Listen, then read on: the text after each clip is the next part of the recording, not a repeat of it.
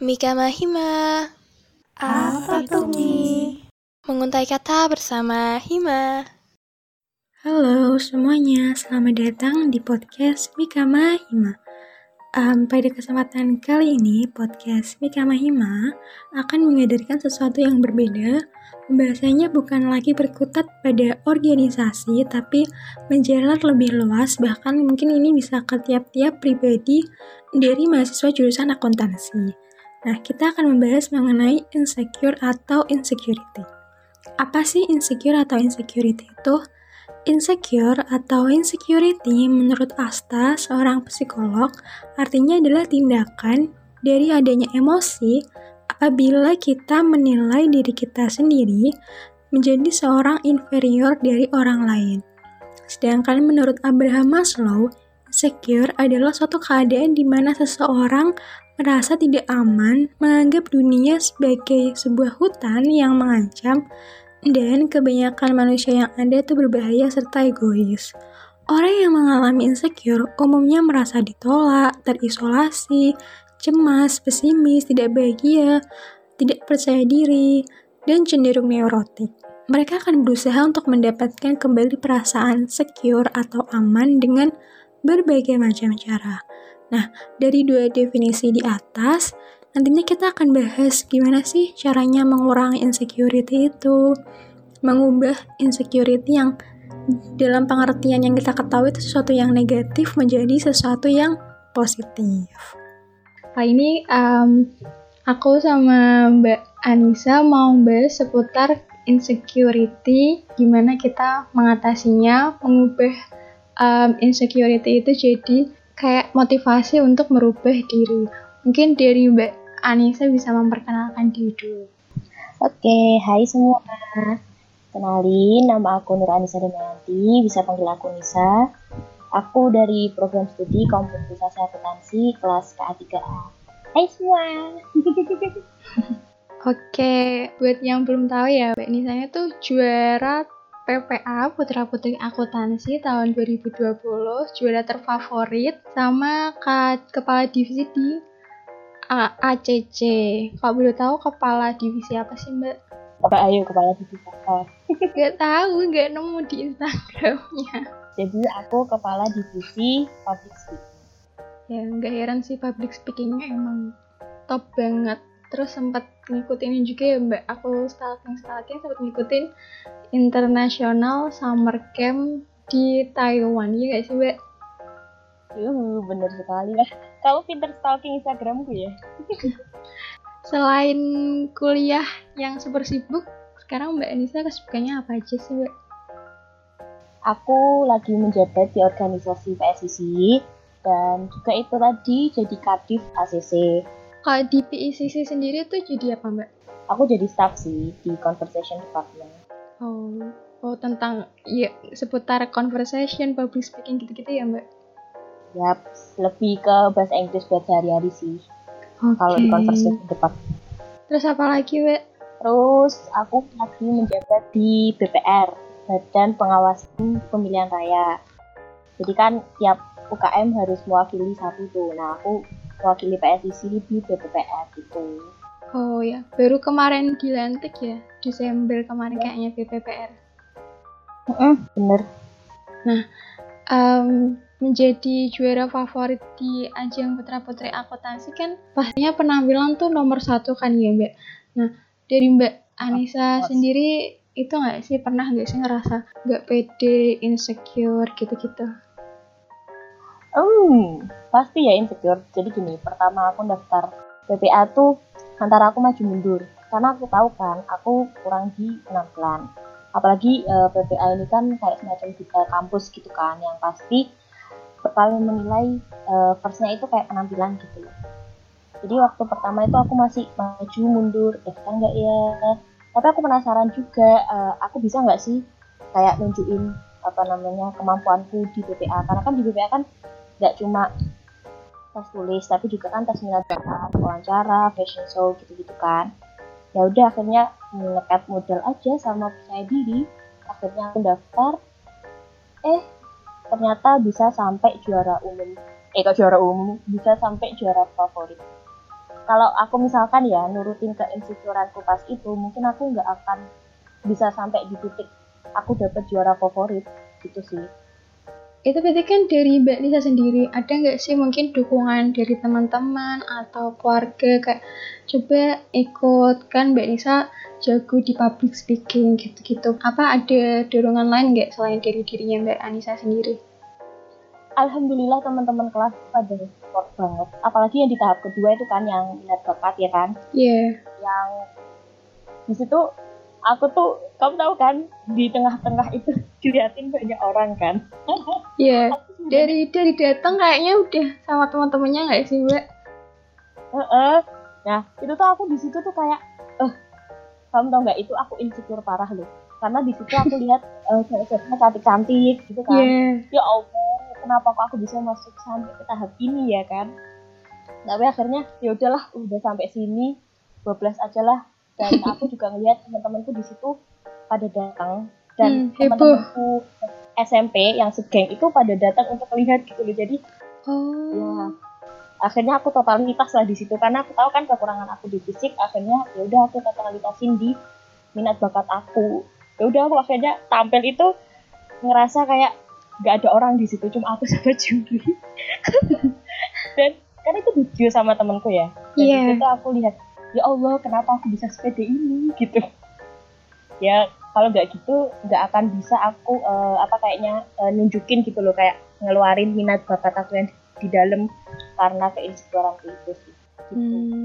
itu kan aku juga lihat ya kan posisi aku LO kayak terpana gitu loh bisa kan nari terus nggak cuma nari kayak nari slow terus itu nari modern gitu kan jadi kayak wow percaya diri banget tapi itu dalam konteks yang positif gitu loh mbak.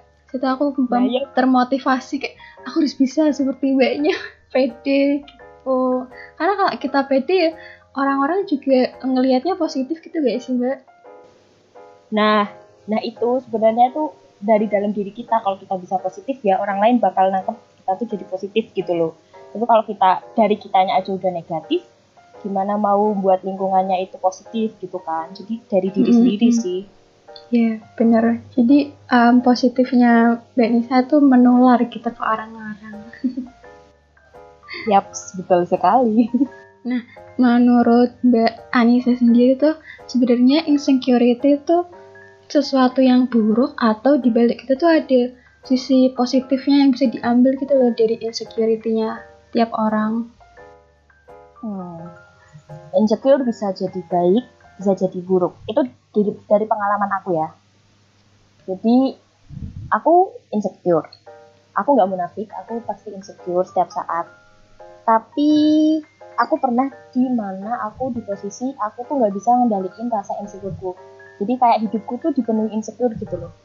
Jadi kan hmm. aku tahun pertama kuliah itu aku nggak ikut organisasi apa-apa kan aku ikut organisasi di luar kampus nah aku tuh berniat di tahun kedua itu ikut organisasi di dalam kampus. Tapi aku hampir nggak daftar karena aku terlalu insecure gitu loh kayak aduh aku nggak berani daftar ya aku nggak berani ketemu orang banyak aku nggak berani bersosialisasi dengan orang banyak gitu kan. Dan itu juga ketepatan waktu PPA itu kan jadi aduh nggak daftar PPA ah aku nanti malu diejek lah diapalin tapi ketika aku bisa merubah uh, insecureku itu untuk mendapatkan pengalaman yang baru akhirnya aku mencoba berani daftar organisasi terus berani daftar apa namanya PPA akhirnya aku sekarang bisa mendapatkan pengalaman baru di organisasi PSIC terus bisa jadi juara favorit juga di PPA terus akhirnya aku dapat pengalaman baru. Kemarin kan di PPA uh, eh, ada studi banding kan. Akhirnya aku bisa punya pengalaman studi banding dengan sekolah lain. Jadi insecure itu bakalan baik kalau misalkan kita bisa mengelolanya kalau dan insecure itu juga bisa buruk. Kalau misalkan kamu apa ya kayak merenung gitu kenapa sih aku insecure kenapa sih aku harus punya kekurangan ini kenapa sih aku nggak bisa kayak dia nggak bisa kayak dia gitu. Come on man. Uh, seorang itu nggak bisa akan sempurna. Walaupun kamu ngejar kekurangan itu tuh bakalan tetap ada kekurangan di dalam dirimu. Jadi udahlah go ahead aja lah gitu sih prinsip aku sekarang. Cobain aja semuanya. Oh oke. Okay. berarti berarti berani mencoba gitu ya? Aku insecure dengan fisiko di mana kalau standar Indonesia kan ya kurus lah body girls lah. Lah aku jauh dari itu. Jadi iya aku insecure di situ. Tapi karena akhirnya aku bisa menerima diri aku ya akhirnya aku mencoba mencintai diri aku sendiri dan mencoba uh, menyebarkan positivity gitu loh kayak oke okay, main kita hidup bukan cuma karena fisik masih mm -hmm. ada hal lain yang bisa kita kejar prestasi lah pengalaman organisasi komunikasi public speaking masih banyak nggak harus menerima fisik oh oke okay. nah dari insecurity-nya Mbak Nisa tadi tuh cara ng ngatasinya gimana sih misalkan kalau lagi down parah gitu lihat orang-orang cara ngatasinya gimana? Oke, gini uh, kekurangan itu ada yang bisa dirubah, ada yang nggak bisa dirubah kan. Nah, contoh aku deh misal, aku punya kekurangan di berat badan, itu kan bisa diubah ya dengan cara diet lah, apalah. Itu tuh ketika aku punya kekurangan dan aku ingin me, apa ya menerimanya, aku kan mencoba untuk merubah itu kan. Tapi uh, dalam proses aku merubah itu, aku tuh harus mencari apa namanya mencari hal lain gitu loh. Jadi aku nggak harus fokus ke kekurangan aku gitu. Jadi aku untuk menutupi keinsyukuranku itu aku merubah kekuranganku. Jika itu bisa dirubah dan aku mencari hal lain untuk uh, memberikan value yang lebih besar kepada diri aku selain di fisik gitu. Udah nggak? Paham nggak? Berarti lebih kayak mencari hal yang bisa diangkat dari dalam dirinya. Mbak Nisa biar orang-orang tuh mandangnya oh Mbak Nisa tuh jagonya tuh di ini gitu. Gitu nggak sih Mbak? Nah itu benar. Jadi aku aku tahu aku kekurangan di fisik oke aku akan berubahnya dan itu kan pasti bakal butuh, butuh waktu ya. Nah selama perjalanan proses itu aku mencari kelebihanku yang lain. Aku mengasah kelebihanku itu biar menutupi kekurangan aku. Um, yang bikin Mbak Nisa bangkit lagi tuh um, mencari sesuatu yang bisa bikin orang tuh nggak memandang Mbak Nisa sebelah mata gitu nggak sih Mbak? Yap. Tapi ya gimana ya kamu kamu pernah nggak sih suatu hari ya kamu udah pede apa namanya kamu udah pede dengan penampilanmu tapi ada orang lain yang dengan gampangnya bilang kok kamu tambah gendut kok kamu tambah hitam kok kamu sekarang kan pernah nggak sih sering sih. Kayaknya biasa basi orang Indonesia gitu gak sih mbak? Eh lama nggak pernah ketemu kok. Sekarang gendutan. Ya gitulah. Biasa basi yang nyakitin sih sebenarnya. Nah itu tuh aku nggak munafik. Itu bahkan bikin bahkan bakal bikin aku down. Dan syukurku akan muncul lagi. Tapi ya gimana kita hidup di lingkungan yang kayak gini kita juga nggak bisa nyalain orang yang ngomong kayak gitu kan. Karena uh, mindsetnya dia kan ya terbentuk dari ya di Indonesia tahulah sendirilah standar kecantikannya kayak gimana kan. Ya, makanya itu dari pengalamanku itu aku bersyukurnya jadinya membuka open eh membuka pikiranku menjadi lebih terbuka gitu loh. Jadi aku ketika aku tidak punya lingkungan yang bisa mensupport aku yang tidak yang isinya tuh kayak ngejudge gitu nah aku pingin dari diriku sendiri itu menjadi lingkungan yang menyupport orang-orang yang memiliki insecure hmm. itu jadi ketika aku nggak bisa ngomong yang baik atau aku apa namanya ingin menjudge misal ya aku langsung inget eh jangan gitu dong nih kan kamu juga ada di posisi itu. Jadi daripada aku nggak bisa ngomong yang baik aku diem gitu sih. Jadi ya ketika ada orang yang ngomong gitu ya oke okay, fine thank you for the judge. Jadi lebih baik didiamkan aja ya mbak daripada dibantah juga nggak selesai-selesai ya nggak sih? Mm -mm, bener. Ya berarti itu bukan bukan temanmu atau bukan lingkunganmu mm -mm, gitu. Bener-bener. Nah kalau pendapat Mbak Lisa sendiri sama orang-orang yang justru tuh kayak mengolok-ngolok atau mengejek ke insecurean orang tuh gimana sih yang kayak tadi diomongin gitu? Nah itu tadi aku udah bilang kan kita nggak bisa nyalain orangnya juga karena uh, mindsetnya dia kan udah dari kecil dibentuk ya. Kita juga nggak bisa ngubah mindsetnya dia. Jadi ya udah uh, apa namanya nikmati aja dunia ini tuh terlalu keras emang sepahit itu ya udah ditelan aja pahitnya. Tapi buktikan di sisi lain kalau kamu tuh emang punya value yang besar. Jangan kamu udah tahu kamu punya kekurangan itu terus kamu nggak mencoba mengasah kelebihanmu ya itu sama aja nanti akan menambah keinsecureanmu kalau pikiran aku jadi menutupi kekurangan dengan kelebihan yang kamu punya that's it Oke, wow, amazing banget. Gaya banget ya gue Gak apa-apa sih, Mbak. itu justru kayak memotivasi. Aku banget kirain tuh Mbak Anissa udah dari tingkat satu tuh orang yang aktif gitu. Ternyata baru mulai. Berarti PPA tuh jadi salah satu kayak apa ya, batu loncatan gitu gak sih Mbak buat Mbak Nisa? bener banget aku tuh ya semester 1 semester 2 kan ya kamu tau kan kalau masuk kuliah orang-orangnya cantik-cantik gitu kan ya Iya. apa ya, putih-putih wah pokoknya gitulah ya itu aku ya Allah oke terus akhirnya kayaknya aku nggak bisa gini deh aku bakalan jadi orang cupu di kuliah aku bakalan gak punya temen aku gak bakalan punya relasi akhirnya aku bisa mendobrak keinsecuranku itu akhirnya aku bisa jadi juara favorit PPA terus aku ikut organisasi PSIC aku dikasih kesempatan jadi ketua panitia terus kemarin jadi panitia mos eh kok mos sih panitia ospek terus Iya. bisa jadi BPPR ya walaupun mungkin menurut eh, yang lain itu hal yang biasa atau hal yang kecil tapi menurut aku itu kayak hal yang besar buat aku karena aku bisa me- mendobrak atau melawan rasa insecure itu sih coba kalau aku nggak mendobrak rasa insecure itu aku nggak bakalan ada di titik ini aku bakalan jadi orang cupu mungkin ya Cipolines Mungkin sih, tapi keren banget loh. Maksudnya pertama kali nyoba tapi kelihatan kayak udah pro gitu loh. Kayak berarti Malah. berarti Mbak Nisa tuh benar-benar memaksimalkan dirinya dalam segala sesuatu gitu sih aku lihatnya ya. Hmm, sebenarnya lebih ke batu loncatan itu bukan PPA sih, sebenarnya lebih ke summer camp waktu itu. Yang summer camp Taiwan kan tahun 2019 kan, bulan Agustus. Nah, di situ aku mulai tersadarkan karena kan bertemu dengan teman-teman dari dari luar Polines ya benar dan juga Mm-mm. ketemu apa ya teman-teman dari luar negeri juga kan jadi aku mikir dari mereka juga ada yang memiliki insecure gitu tapi mereka pede-pede aja mereka punya eh, penghargaan yang wow wow gitu dan akhirnya aku termotivasi oke fine mulai semester ini aku nggak boleh nggak boleh takut lagi harus nyoba hal yang baru ya udah akhirnya nyobain PPA nyobain PSIC gitu Oh.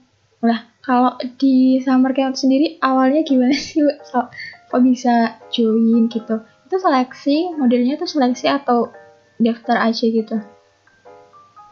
kamu tahu KUI nggak mesti rata-rata orang nggak tahu Nggak tahu. Nggak tahu. KUI kantor urusan internasional. Jadi eh, temen aku dapat informasi dari KUI kalau buka camp Taiwan itu. Ya udah akhirnya aku coba kan daftar. Ya ada seleksi, seleksinya tuh tes TOEFL, wawancara. Jadi dari 15-an orang itu yang diambil lima orang dan alhamdulillah aku keterima. Oh, wow. Berarti jago public speaking di dua bahasa ya, Mbak? Bahasa Indonesia sama bahasa Inggris nih berarti. Nah itu aku bangga juga sih bisa kenalin budaya Indonesia kan tahu sendiri kamu bisa aku bisa nari kan. Iya. ya aku ngeluarin bakat nariku di sana di summer camp itu Em, Mbak Nisa punya ini nggak sih kayak kata-kata atau semangat buat orang-orang kan pasti masih banyak banget ya. Orang-orang yang insecure. Atau enggak yang hari ini aku nggak insecure besok ketemu orang baru insecure. Ada nggak sih kata-kata penyemangat dari Mbak Anissa buat teman-teman yang masih insecure gitu? Oke mungkin agak panjang ya. Ya nggak apa-apa. Eh, it's fine jika kamu tuh insecure mau ketemu orang baru atau mau ketemu apa lingkungan baru. Fine. Kamu insecure gak apa-apa. Tapi jangan sampai eh, insecuremu itu menutupi value-mu. Jadi Hmm. ketika kamu punya kekurangan kamu ingin ngejar kekurangan kamu menjadi kelebihan kamu. Ingat nggak ada orang yang bisa sempurna.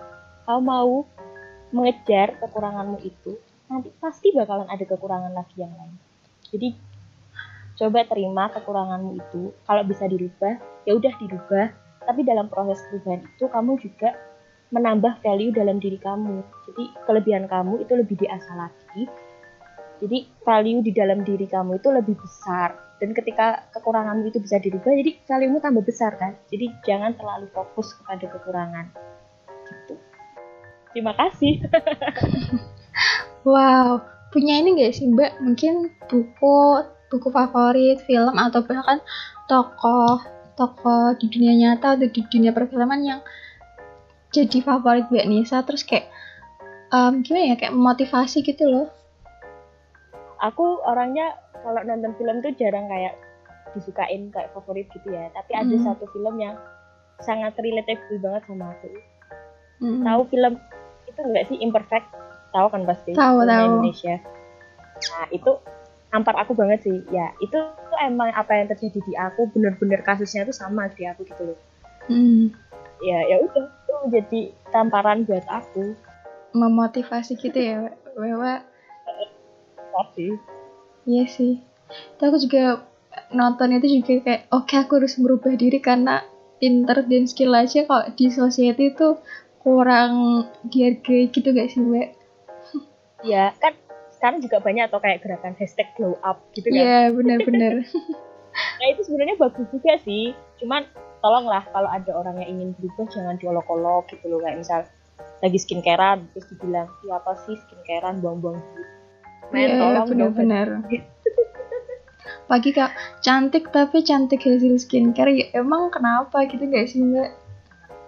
Nah itu kan kayak mereka pingin kita cantik tapi ketika kita mau glow up malah direndahin kan? Betul. Habis pikir aku tuh.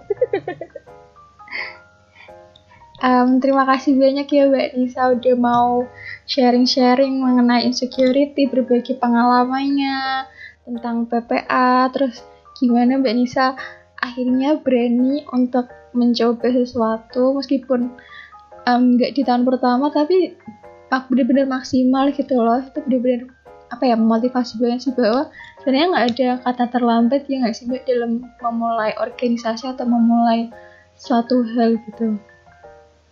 Nggak ada. Kalau kamu punya waktu ya udah dipakai aja. Sekali lagi aku ucapin terima kasih buat Mbak Nisa yang udah mau berbagi banyak hal baik dari pengalaman maupun insecurity-nya dan bagaimana mengatasi dan mengubah insecurity itu menjadi sesuatu yang lebih positif. Sekali lagi, terima kasih. Sama-sama. Terima kasih juga kepada seluruh pendengar podcast Mika Mahima yang telah mendengarkan podcast ini sampai akhir acara. Saya Oli undur diri dan minta maaf apabila terdapat banyak sekali kesalahan teknis maupun non-teknis. Sampai jumpa di podcast selanjutnya dengan tema yang lebih menyenangkan dan pastinya lebih menghibur lagi. Sampai jumpa.